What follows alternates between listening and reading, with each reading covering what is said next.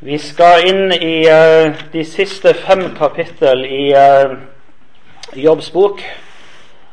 Uh, det står sånn i Jobb 38.: Da svarte Herren Jobb ut av stormen. Og så kommer det fire kapittel der Gud taler inn i Jobb sitt liv. Og så kommer altså det siste 42. kapitlet, der vi tas med inn i den ytre historie på nytt igjen. Vi skal prøve å stanse litt ved disse siste kapitlene nå i Jobbs bok. Og Herre, vi trenger deg, vi trenger din Hellige Ånd. Vi ber om åpenbaringsånd, og vi ber Herre om et hjerte som kunne få lytte etter ord ifra deg så må du stelle slik med oss at vi eh, kunne få bøye våre hjerter mot ditt vitnesbyrd. Takk for at du ennå taler til oss, Herre. Så ber vi om at ordet må få lov å drive oss til deg.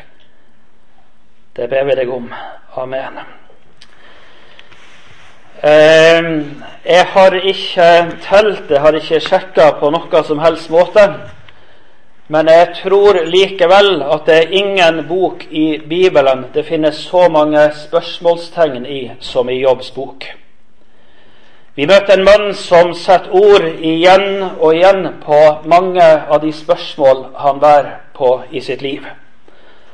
Og han spør, og han får svar av en Elifas, en Bildad og en Sofar som allikevel ikke er noe svar for, for jobb. Det som eh, vi legger merke til her, er at kapittel 38 sier det at da svarte Herren jobb ut av stormen.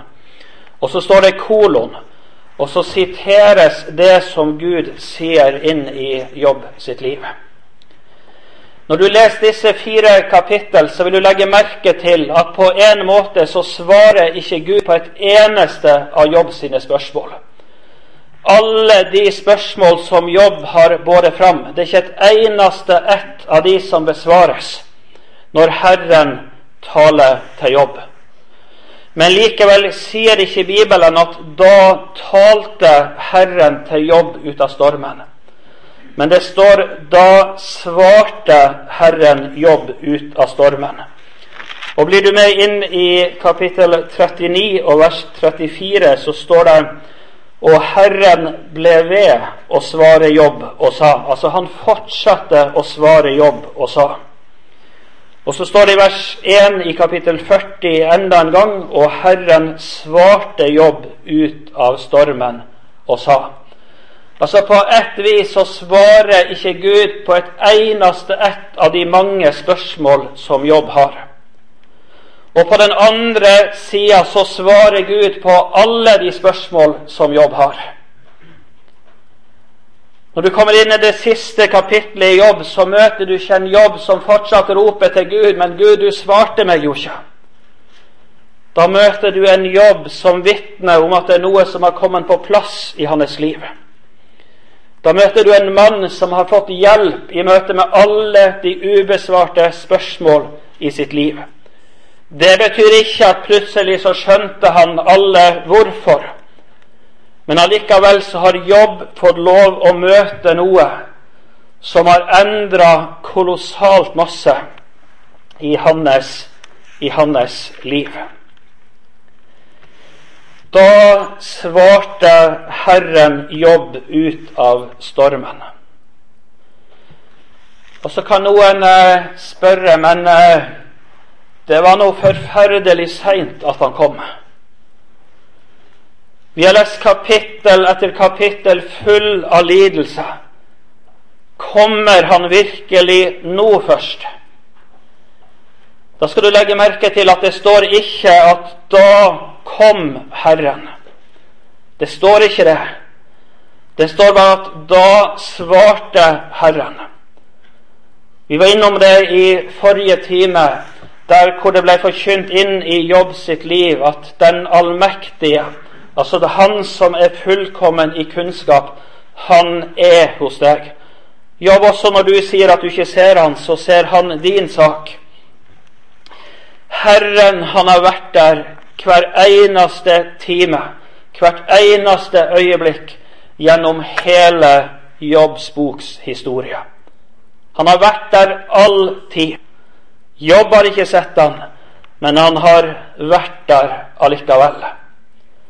Det står ikke at da Herren kom, men det står at da svarte Herren Jobb ut av stormen. Og så er det underlig at der har det sittet en Gud og hørt alle de anklager som er båret fram. Han har også latt den falske forkynnelse på et vis få lyde der. Og så har han tidd i møte med det. Da svarte Herren jobb ut av stormen, står det. Det er kanskje noen av dere, jeg vet ikke hvordan dere har det i deres hjemmer, men eh, det er kanskje andre òg som opplever at det, det, kan bli en krangel i ny og ne i heimen. Um, og så kan det løftes fram noen anklager. Og så kan det fort brytes av, der kanskje en far eller ei mor sier at nå er det nok. Nå får du tie stille. Eller nå får du ha deg på rommet, kunne vi få høre iblant. Du møter ikke en Gud som trer inn i jobb sitt liv og sier at nå må du tie stille jobb. Nå må det være måte på jobb. Men du møter en Gud som er så stor at det er rom også for en jobb som så vanskelig kan forstå Guds veier og måte å handle på. Så stor er Gud. Og så kommer det ei tid der hvor han tar til orde. Så kan en også undres eh, i møte med alle disse kapittel som har gått, hva, hva gjorde Gud? Satt han der bare og hørte på? Satt han der bare liksom og skrev opp? Det tror jeg Lukas kapittel 22 lærer oss noe om. Der eh, taler Jesus inn i Peter sitt liv. Og så står det sånn i Lukas 22, 31 og 32. Simon, Simon, se Satan krevde og få dere i sin makt for å sikte dere som vet Det Det er noe av det vi møtte i eh, kapittel 1 og kapittel 2, der Satan ber om å få makt i jobb sitt liv. Så er det Gud som setter grensene, som vi talte om. Det er Han som, som sitter på et vis med lenker som han strammer, og som han kan slake. Men eh, det står her at Satan krevde å få sikte dere som hvete. Men så sier Jesus noe mer til Peter. Og det er noe vi skal ta med oss inn i møte med all lidelse og nød i våre liv. Alle hvorfor og ubesvarte spørsmål i våre liv. Når vi ikke makter å skjønne Guds vei, og når vi kan tenke så feil om Gud på så mange måter, så er det en frelser som ber for den enkelte av oss. Og så skal du legge merke til hva han ber om. Han ber om at de tro, at mi tro, ikke må svikte. Det er noen som tenker at all ulykke og all motstand det fører et menneske nærmere Jesus. Og det er ubegripelig sterkt iblant å møte mennesker som har mista noe enormt dyrebart i sitt liv, og som allikevel kan si at det tapet førte dem til Jesus. I møte med den aller verste ulykke så er det noen mennesker som sier det, at i møte med det så ble jeg frelst. Så fikk jeg bøye meg og ta imot Herren i mitt liv. Men det er ikke sånn for alle. Og Bibelen sier ikke det uttrykkelig, men det kan virke som at hun som opplevde akkurat det samme tapet som han Jobb, altså Jobb si hustru, at hun kom på avstand og kom bort i møte med det som skjer.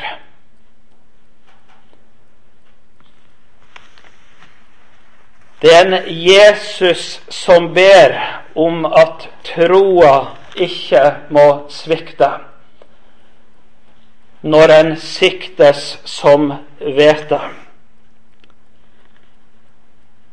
Og det skal vi være klar over at den onde han vil komme oss nær, og så vil han rope det inn i våre ører, inn i dypet av vårt hjerte,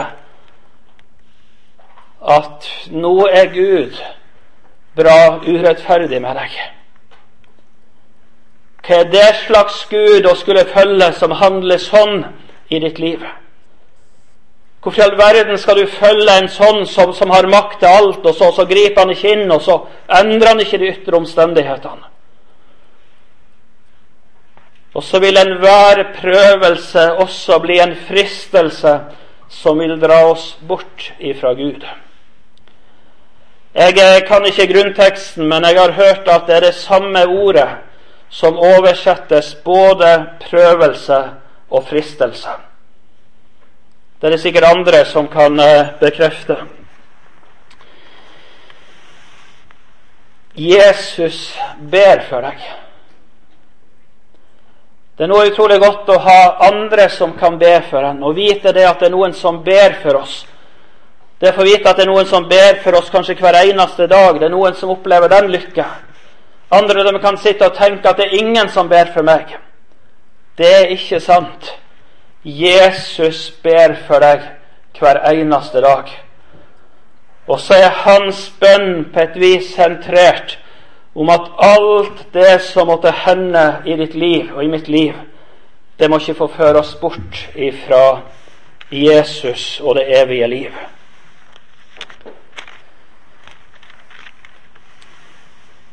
Da svarte Herren Jobb ut av stormen. Og så sa jeg det at det var ikke et eneste av Jobb sine mange spørsmål som fikk sånn konkret, eh, et sånn konkret svar. Men likevel så svarer Gud jobb gjennom det han sier. Og Jeg skal prøve å ta fram lite grann. Jeg har bare lyst til å lese igjen fra kapittel 39, vers 34. Og Herren ble ved å svare jobb og sa, Du som klandrer den allmektige, vil du trette med Han? Du som laster Gud, du må svare på dette. Samme som i kapittel 38 nå vel, bind om deg som en mann, så vil jeg spørre deg, og du skal svare meg. Og kapittel 40 så står det, og Herren svarte Jobb ut av stormen og sa, bind opp om deg som en mann. Jeg vil spørre deg, og du skal svare meg. Vil du virkelig gjøre min rettferdighet til intet? Vil du dømme meg skyldig, så du får rett? dette spørsmålene inn, ikke bare i jobb sitt liv, men også inn i vår hverdag i 2020. Vil du virkelig dømme Gud skyldig, så at du får rett? Vi vet hvor lett det er å klandre den allmektige. Vi vet hvor lett det er på et vis å skulle be til Gud om å om å gjøre det akkurat slik som vi sjøl ønsker. I Jobbs bok så møter du kanskje noe helt, helt annet enn du hadde forestilt deg om du tenker hva kommer Gud til å svare Jobb nå? Hva kommer Gud til å si når han tar til orde? Hvor vil Gud lede Jobb hen?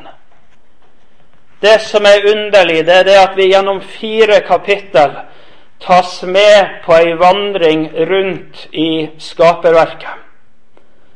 Vi tas med på ei vandring rundt i naturen. I dyreliv, i naturen, i verdens, i universet.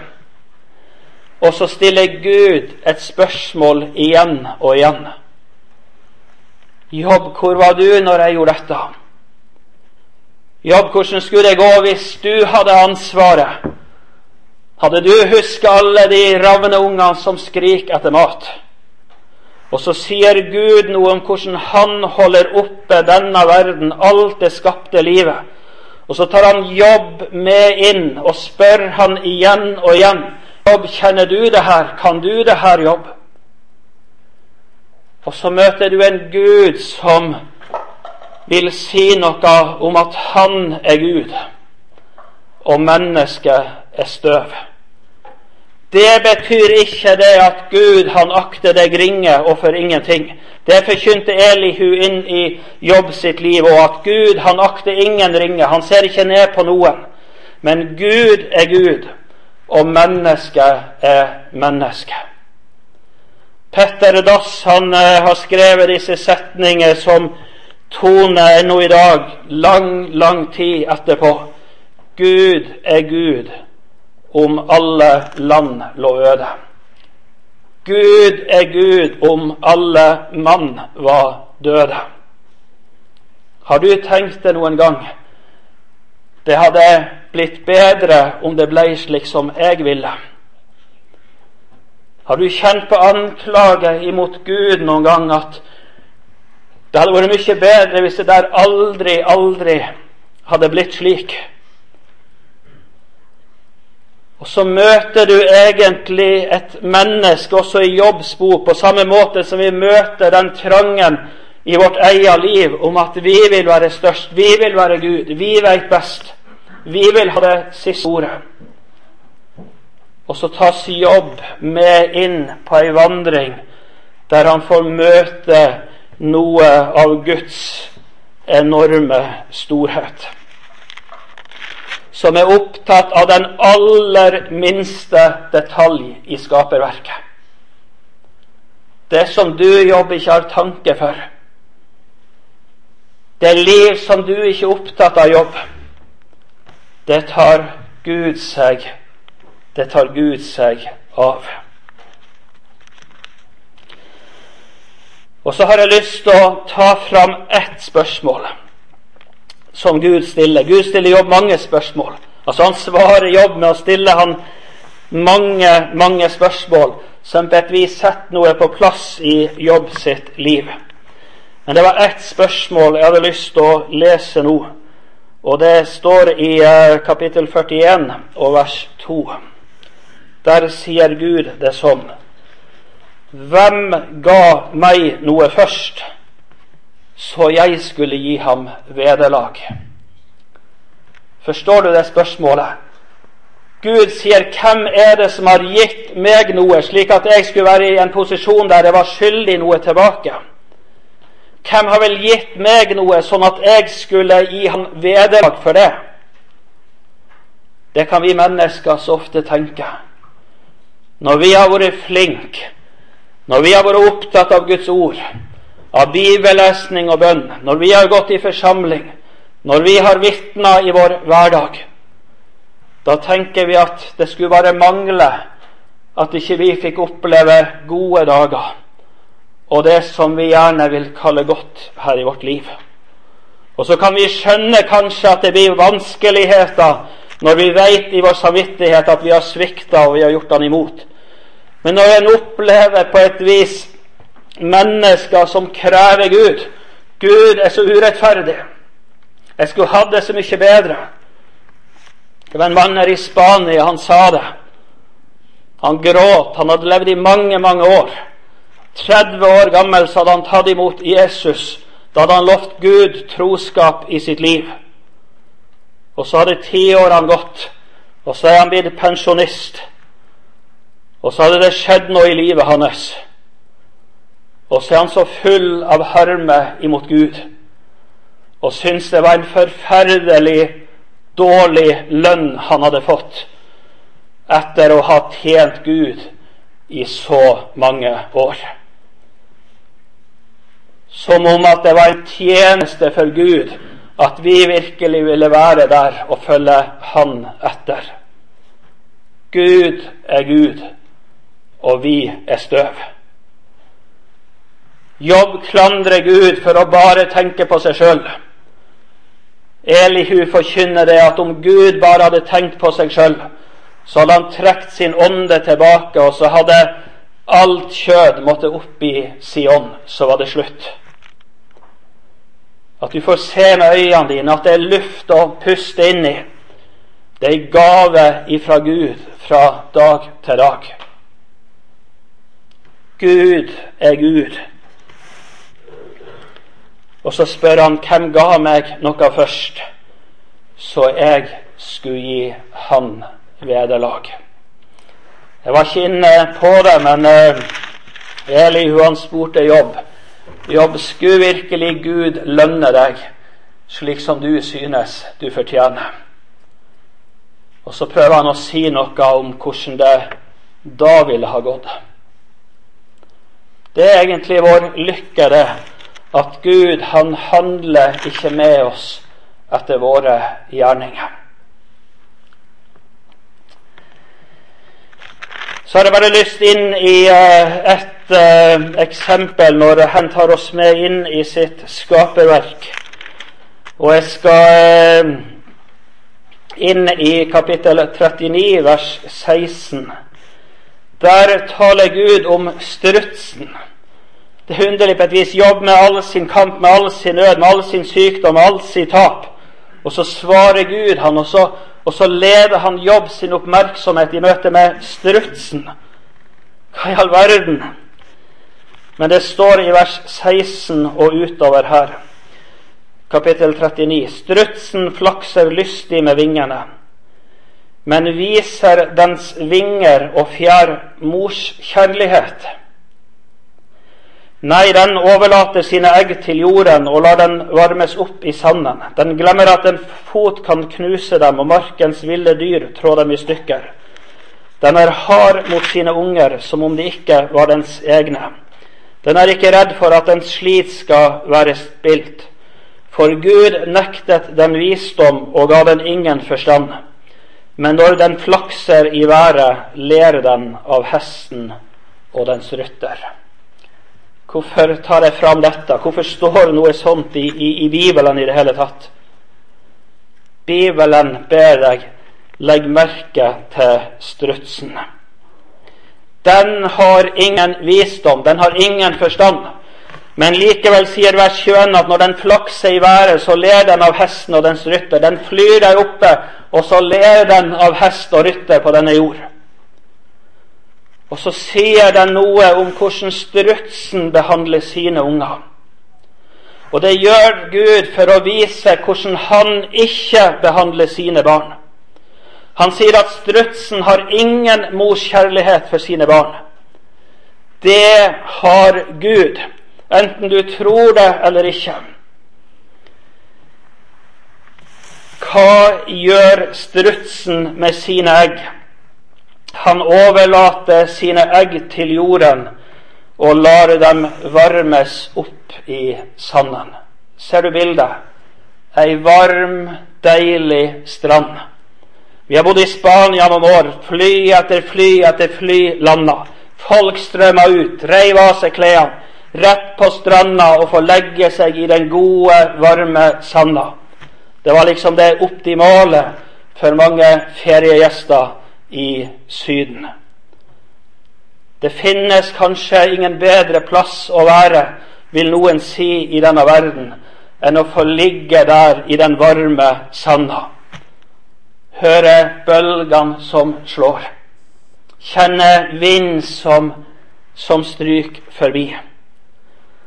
Og så taler Bibelen om strutsen den lar sine barn, eller sine egg, ligge der i den gode, varme sanda. Der alt er godt, der ingen storm herjer.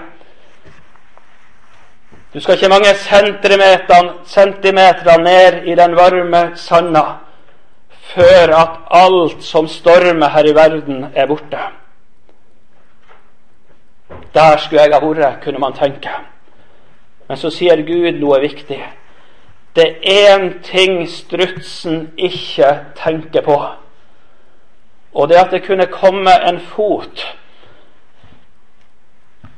som satt sin fot altså på egget og knuste hele egget.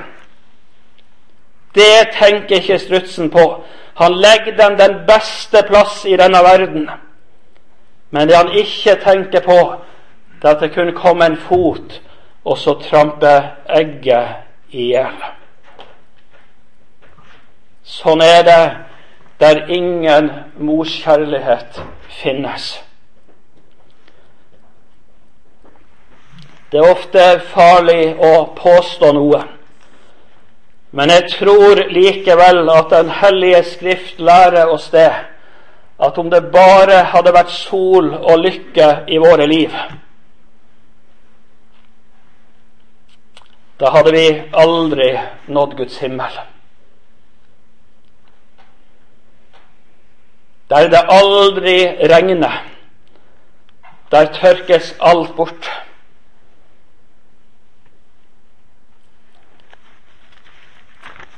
Og jeg har lyst til å si det at Gud han tegner et bilde av seg sjøl, ikke av en som legger sine barn i den varme sand, slik som strutsen gjør. Og så trekker han seg til side, og så flakser strutsen og ler av rytter og hest der nede. Men den tegner et bilde av en Gud som sier det, ikke at han bare har den hele vide verden i sin hånd, men at han har deg som sitt barn i sin hånd. Og Jesus taler noe om at vi er i hans hender. Og så har jeg lyst til å si det som et vitnesbyrd. Det er ikke så lett bestandig når man står i den, den, den sterkeste storm. Men jeg har allikevel lyst til å bekjenne det og si det at 10 000 ganger heller i den sterkeste, villeste storm, men i Jesus i Han, enn å være der hvor alt er lyst og fint og oppleves godt, men på avstand ifra Han.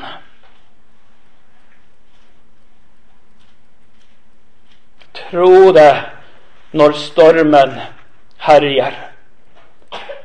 Bladløse vintertrær Tro det når brenning bryter over det nakne skjær.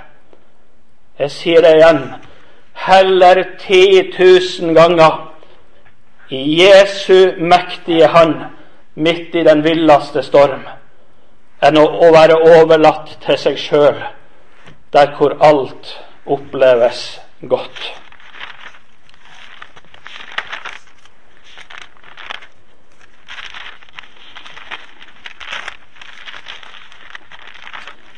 Det tegnes også et bilde av Leviatan. Skal ikke kanskje bruke tid der. Jeg skal bare lese det helt kort. Jeg vet ikke hva Leviatan er. Du møter jo Behemot og Leviatan her som to skapninger som løftes fram. I min bibel så står det en liten sånn, eh, sånn stjerner, og så står det kanskje krokodillen. Det står vel her i vers 20.: Kan du dra Leviatan opp med en fiskekrok og binde tungen ned med et snøre? Kan du sette en sivlinje i nesen på den og gjennombore kjeven med en krok? Vil den rette mange ydmyke bønner til deg, eller tale milde ord til deg? Vil den gjøre en avtale med deg, så du kan få den til trell for all tid? Jeg har bodd eh, noen år i ytterkanten av Amazonasjungelen. Jeg har vært mange ganger på krokodillejakt inne i Amazonas, på elver der hvor du møter kaimaner som er syv meter lange. Bibelen taler om leviatan, kanskje krokodiller, står det. Og så spør den hvem er det på et vis som nærmer seg den skapning hvem er den som våger å binde tunga med et snøre? Og så spør den vil den rette mange ydmyke bønner. Kan du på et vis forvente å bli din trell for all tid? Det står i vers 27.: Prøv å legge hånd på den. den striden skal du komme til å minnes og ikke gjøre det igjen. Nei, den som våger slikt, blir skuffet i sitt håp. Og så står det i vers 1 i kapittel 41.: Ingen er så djerv at han tør tirre den. Hvem tør da sette seg opp imot meg, sier Gud. Ikke engang i møte med skapningen våger du å nærme deg. Men i møte med Skaperen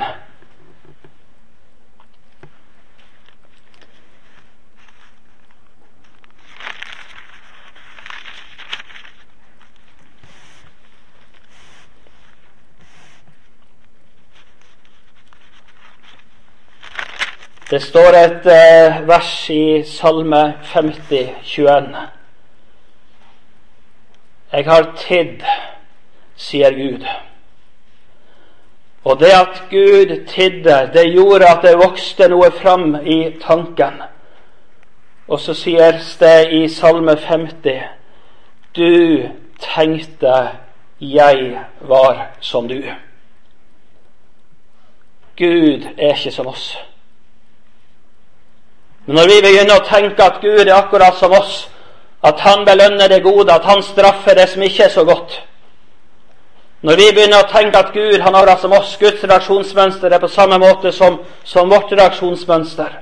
Når du møter noe av det som stiger fram i jobb sin tanke, i jobb sitt liv, og vi drar kjensel på at slik tenker så ofte vi òg i våre liv, så møter du en Gud som går i rette på et vis med mennesker og si 'du tenkte at jeg var som du'. Og så er det altså en Gud som tar jobb med på vandring i skaperverket, også for å vise han det at at han er ikke som oss. Vi skal hoppe inn i det siste kapitlet nå i Jobbs bok.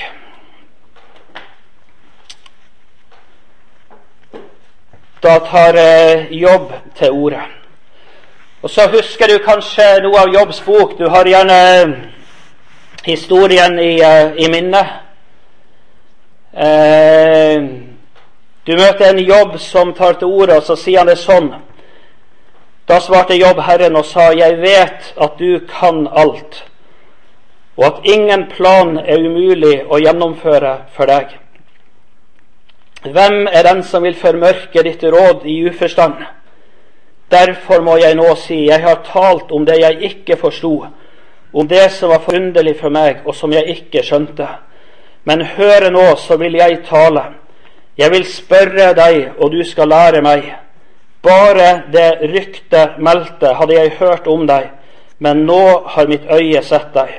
Derfor kaller jeg alt tilbake og angrer i støv og aske. Og så leser du videre utover om hvordan alt ble endra i Jobb sitt liv på det ytre plan. Han fikk dobbelt igjen av alt det som han hadde. Dobbelt igjen av alt som han hadde. Av sauer, kameler, okser, esler osv. Og, og så fikk han igjen ti barn. Du møtte en jobb som sitter og jubler deg ut.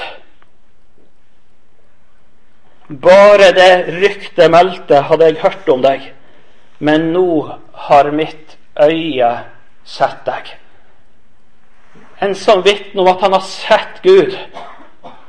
Og det taler Skriften om, det å få se Guds herlighet. De så opp til Han, og de strålte av glede. Det å få se Gud, det var det største som hendte i menneskets liv.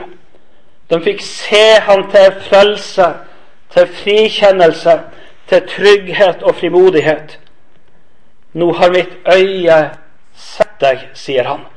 Han sitter der og vitner om et helt nytt gudsforhold. Et helt nytt forhold til Gud. Han hadde hørt mye om Gud før. Men nå, nå er det nesten som han vil si at men nå, nå, nå har jeg sett deg. Nå kjenner jeg. Og så gikk jeg i mange, mange, mange år og tenkte at nå imellom kapittel 41 og kapittel 42 så har Jobb fått helsa tilbake. Så har han fått unger igjen. og så har alt snudd seg. Til jeg for noen år siden satt og leste at ja, men det er jo ikke sant. Det er jo ingenting som har forandra seg. Det ytre er jo akkurat det samme. Det er jo ingenting som har endra seg. Han er jo like barnløs. Han er jo like fattig. Han er jo like syk. Han sitter jo der fortsatt med et potteskår, og alt hans hud detter av han. Det er bare tannkjøttet som er urørt. Ingenting av det ytre har forandra seg. Men i møte med Guds ord så har allikevel alt forandra seg. Og så sitter og så sitter han der, og så lyder den lovsang over Jobb sine lepper. Jeg har sett deg. Jeg veit at du kan alt, og at ingen plan er umulig å gjennomføre for deg. Han drar alle sine ord tilbake. Han bøyer seg på et vis i skam over at han virkelig kan ha sagt det han har sagt. Og så vitner han om et helt nytt liv sammen med sin Gud. Men han er like fattig. Det er ingen utsikter til at det skal bli bedre. Og så ser du det jo litt lenger ned i eh, kapitlet. Vi har vært innom det før, at Jobb han bes om å be for sine venner. Altså Det er ikke den, de friske som ber for den syke, men det er den syke som får vite hjelp for de friske på et vis legemlig sett, og så ber for dem at ikke Gud må gjøre med dem etter deres uforstand. Men så står det i vers 10 her og Herren gjorde ende på Jobbs ulykke da han ba for sine venner. Ikke som ei belønning for at han var så flink å be. Men poenget mitt her det er det at den ytre forandring Det var ikke den som kom først. Og så møter du lovsangen i Jobb sitt liv. Men midt i mørket så er det en Gud som lar lovsanger lyde i natten. Ikke fordi at det ytre ser ut til å ta slutt, men fordi at blikket vendes imot en Gud som er like trofast, like god, like glad i deg, uansett hvordan du og hvordan jeg har det. Det er en forkynnelse både om synden i Jobb sitt liv, om Messias som kom for å frelse syndere, om løsepengen som vi snakka om i forrige time, om prisen som ble betalt.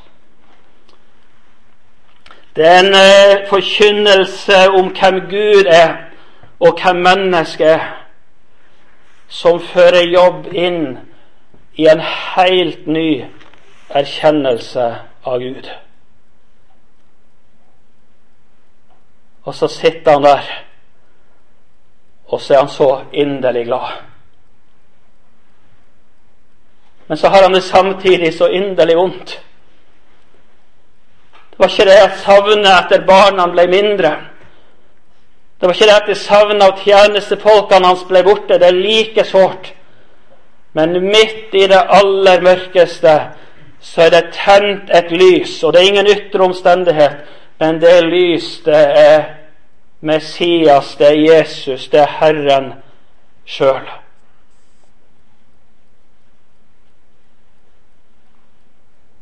Det kan Guds ord virke i våre liv. Og jeg skal slutte ganske snart nå. Men jeg har lyst til å si at det som vi trenger, både dere og meg, det er ikke først og fremst at de ytre omstendighetene blir annerledes. Det er ikke det at man blir lega for uh, legemlige plager. Det er ikke det at familie og relasjoner kommer på plass igjen. Det er ikke det som er viktigst for oss. Det som vi trenger aller mest, det er et sant kjennskap til Herren. Det å få se Ham med egne øyne. Og det gjør vi bare én plass. Det gjør vi imellom disse permene i Guds ord. Du kan springe på fjelltopp etter fjelltopp og legge merke til Guds storhet og Guds skaperverk. Men du ser aldri Hans herlighet i all sin prakt som du vil gjøre når du åpner denne boka, og tas med inn på Jesu vandring, Guds vei i denne verden. Sangeren han sier det sånn Det skjønneste i verden som mine øyne så, var kongen i hans skjønnhet med tornekronen på. Det er jo et forferdelig syn. Det er jo et grusomt syn når de trer ei krone av torner, og så trer de dem nedover Jesu ansikt, sånn at blodet spruter. Det er jo et grusomt syn. Men det er en sanger som sier det at det var det skjønneste, det var det største han så i sitt liv. Fordi at han så mer enn bare den ytre lidelse en tømmermanns sønn ifra Nasaret måtte gjennom. Han fikk se det, at det var for mi skyld. Det skulle løfte all mi synd ut. Jeg skulle sone og betale for alt som hadde gått galt. Han blei gjort til en forbannelse for oss for at vi skulle få fred. Og Nå skal jeg lese det siste verset før jeg går ned. Det står i femte Mosebok, kapittel 23. Der møter du en konge som vil forbanne Guds folk, og som sikkert har tusen grunner til at Gud burde forbanne sitt folk. Og han opplever at Gud er god, og han er trofast imot sitt folk. Og Derfor så kaller Balak Biliam til seg for at Biliam skal forbanne dem. Og så står det i 5. Mosebok 23,5.: Men Herren din Gud ville ikke høre på Biliam. Og Herren din Gud vendte forbannelsen til velsignelse for deg. Herren vendte forbannelsen til velsignelse for deg. Det gjorde han ved at han sjøl ble en forbannelse og ble forbanna i stedet for oss.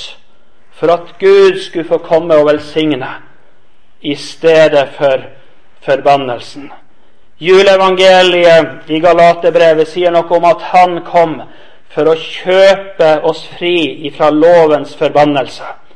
Løsepengen ble båret fram for å kjøpe oss fri ifra forbannelsen. Og forbannelse det handler ikke om dårlig økonomi og vanskelige forhold og ting som har med helse og sånt å gjøre. Det handler om noe mye, mye dypere. Det å bli forbanna, det betyr det å bli kasta bort. Det betyr å bli etterlatt for seg sjøl. Det betyr å bli vendt ryggen til. Og det var det vi fortjente, alle sammen av oss. At Gud vendte ryggen til oss at han kasta oss fra seg. Men han gjorde ikke det.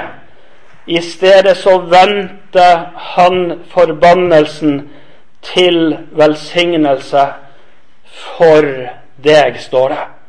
For deg. Hvorfor gjorde han det? Jo, det står i den siste strofa. Fordi Herren din Gud hadde deg kjær. Fordi at han elsker deg fordi at han ikke kunne slippe deg. Og så får det være som det være vil i denne verden. Men Jesus, han er glad i oss, og så vil han føre oss bestandig med evigheten og himmelen for øye. Ja, vi har lyst til å be Herre, som det står i sangen, O Herre, du veier i tusentall har. Og hvilken du velger for meg, får være det samme, om blott du meg tar til himmelen sammen med deg. Herre, vi kjenner på det at vi aner kanskje lite av hva det betyr. Men Herre, vi har lyst til å be deg allikevel at du får velge den vei du vil for oss. Bare du får oss med til det evige, fullkomne Guds rike. Og vi har lyst til å si takk for at du så til oss,